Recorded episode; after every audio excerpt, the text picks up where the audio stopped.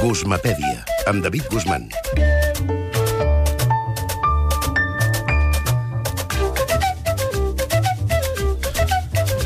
David, bona nit. Què tal, com estem? Bé i vos? Malament, Per què? perquè m'he fet mal, m'he fet mal amb, amb la taula, eh? amb el turmell, i no passa res. És a dir, les persones ens ho paguem i ens fem mal a vegades i tot està bé. Bé, Això et passa per ser un belluguet, va. deu ser això. Va, l'altre dia, no sé si el vas sentir o el vas veure, eh, em penso que no, perquè tenim una edat tots, jo també m'incloc, diem, a l'Auditori, Barcelona, eh, algunes joves promeses que van fer, doncs van, van disfrutar molt del piano i van quedar així de contentes. No tengo palabras. Matices dinámicos.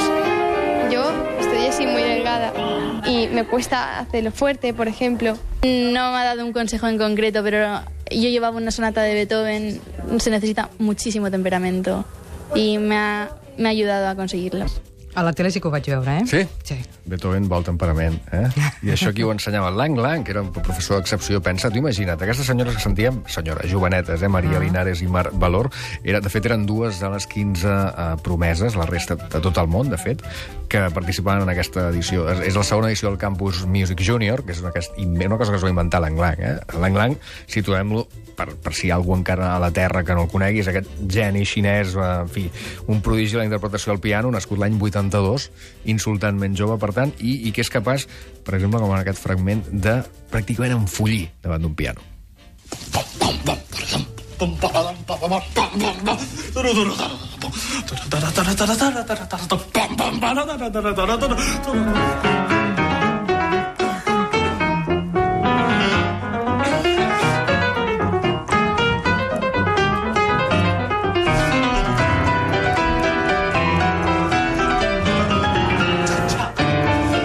Atac de tos. Sí, avui, avui no sé què et passa.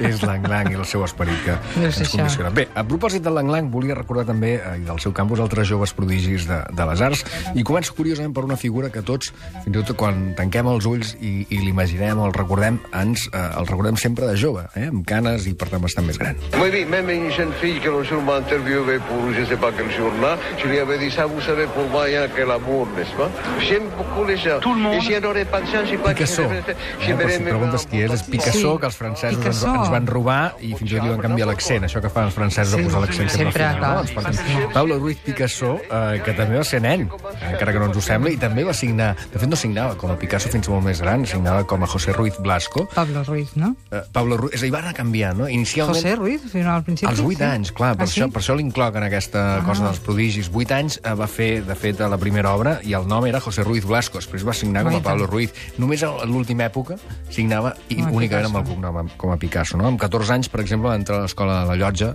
de, de Barcelona, però va fer un examen i li van passar no sé quants cursos. No? Per tant, diguem-ne, de seguida també vam veure que era... I, de fet, amb, amb 15 anys va fer un, el primer enquadre, que és una primera comunió, que va fer a Barcelona, i eh, un quadre acadèmic, per descomptat, però tot això sense encara firmar com a Picasso i, per descomptat, molts anys abans de, diguem-ne, d'inventar el cubisme i, de, i altres ismes i de fer, i de fer altres revolucions. Neu un geni també precoç, però bastant més polèmic. J'étais insoucieux de tous les équipages, porteurs de blé flamand ou de coton anglais.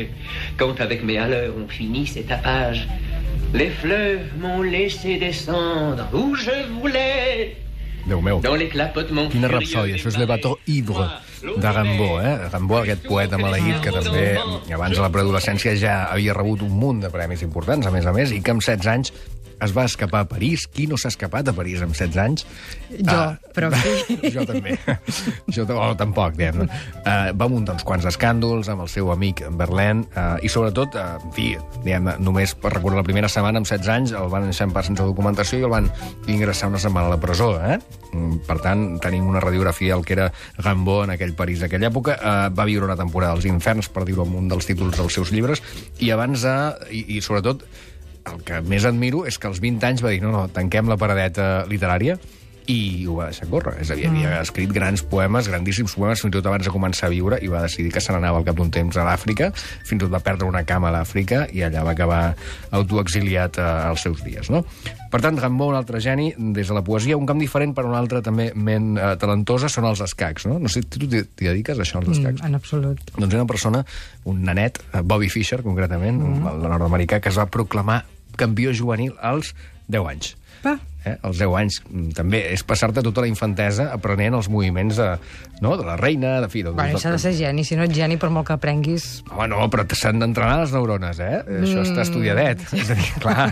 No, pots- igual, segur que hi ha alguna cosa per allà el, que... el talent no es fabrica, però s'entrena, eh? jo crec. Vaja, en tot cas va guanyar el títol de gran mestre també abans dels 30 anys, va derrotar Bo- Boris Spassky en una de les, eh, diguem, de, de, de les, dels campionats d'escacs més extraordinaris i més memorables de la història, eh, el duel Spassky-Fischer, i, i per tant, eh, de molt d'hora després ja va claudicar, com tots els genis passa en algun moment. Dos casos més, el primer és el cinema. I mean, they hate me. Why do you think I split in the first place? There ain't nothing there. Didn't you ever hear of women's lib? What do you mean, women's lib? Aquesta naneta, que li dona una rèplica a Robert De Niro, és, eh, és naneta i és Judy Foster. Eh, Té només 14 anys i és a Taxi Driver, eh, un dels seus papers més recordats fent de prostituta, en fi, infantil. És una interpretació gloriosa, i va, però va començar molt d'hora, va començar amb dos anys a la publicitat, amb 5 anys a la televisió, i de fet amb 10 anys va fer el debut en el cinema, una pel·lícula es va dir Napoleon en Samantha, i bé, després de Taxi Driver va venir la consagració i, i moltes més pel·lícules i l'Oscar i tot el que convingui, no? Per tant, Judy Foster tampoc és normal, de tant d'hora, dos anys, diguem-ne, començar davant d'una Sí, és càmera té, té un cert mèrit. Mm. Va, anem acabant amb un artista també precoç que va triomfar jove i en aquest cas també va morir jove.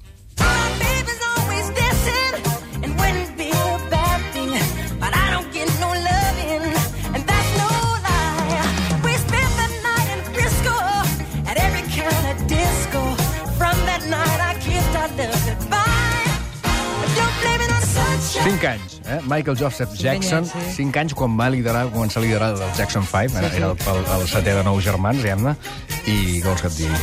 Blame it on the boogie. Gràcies, David. Fins Fins ara. ara.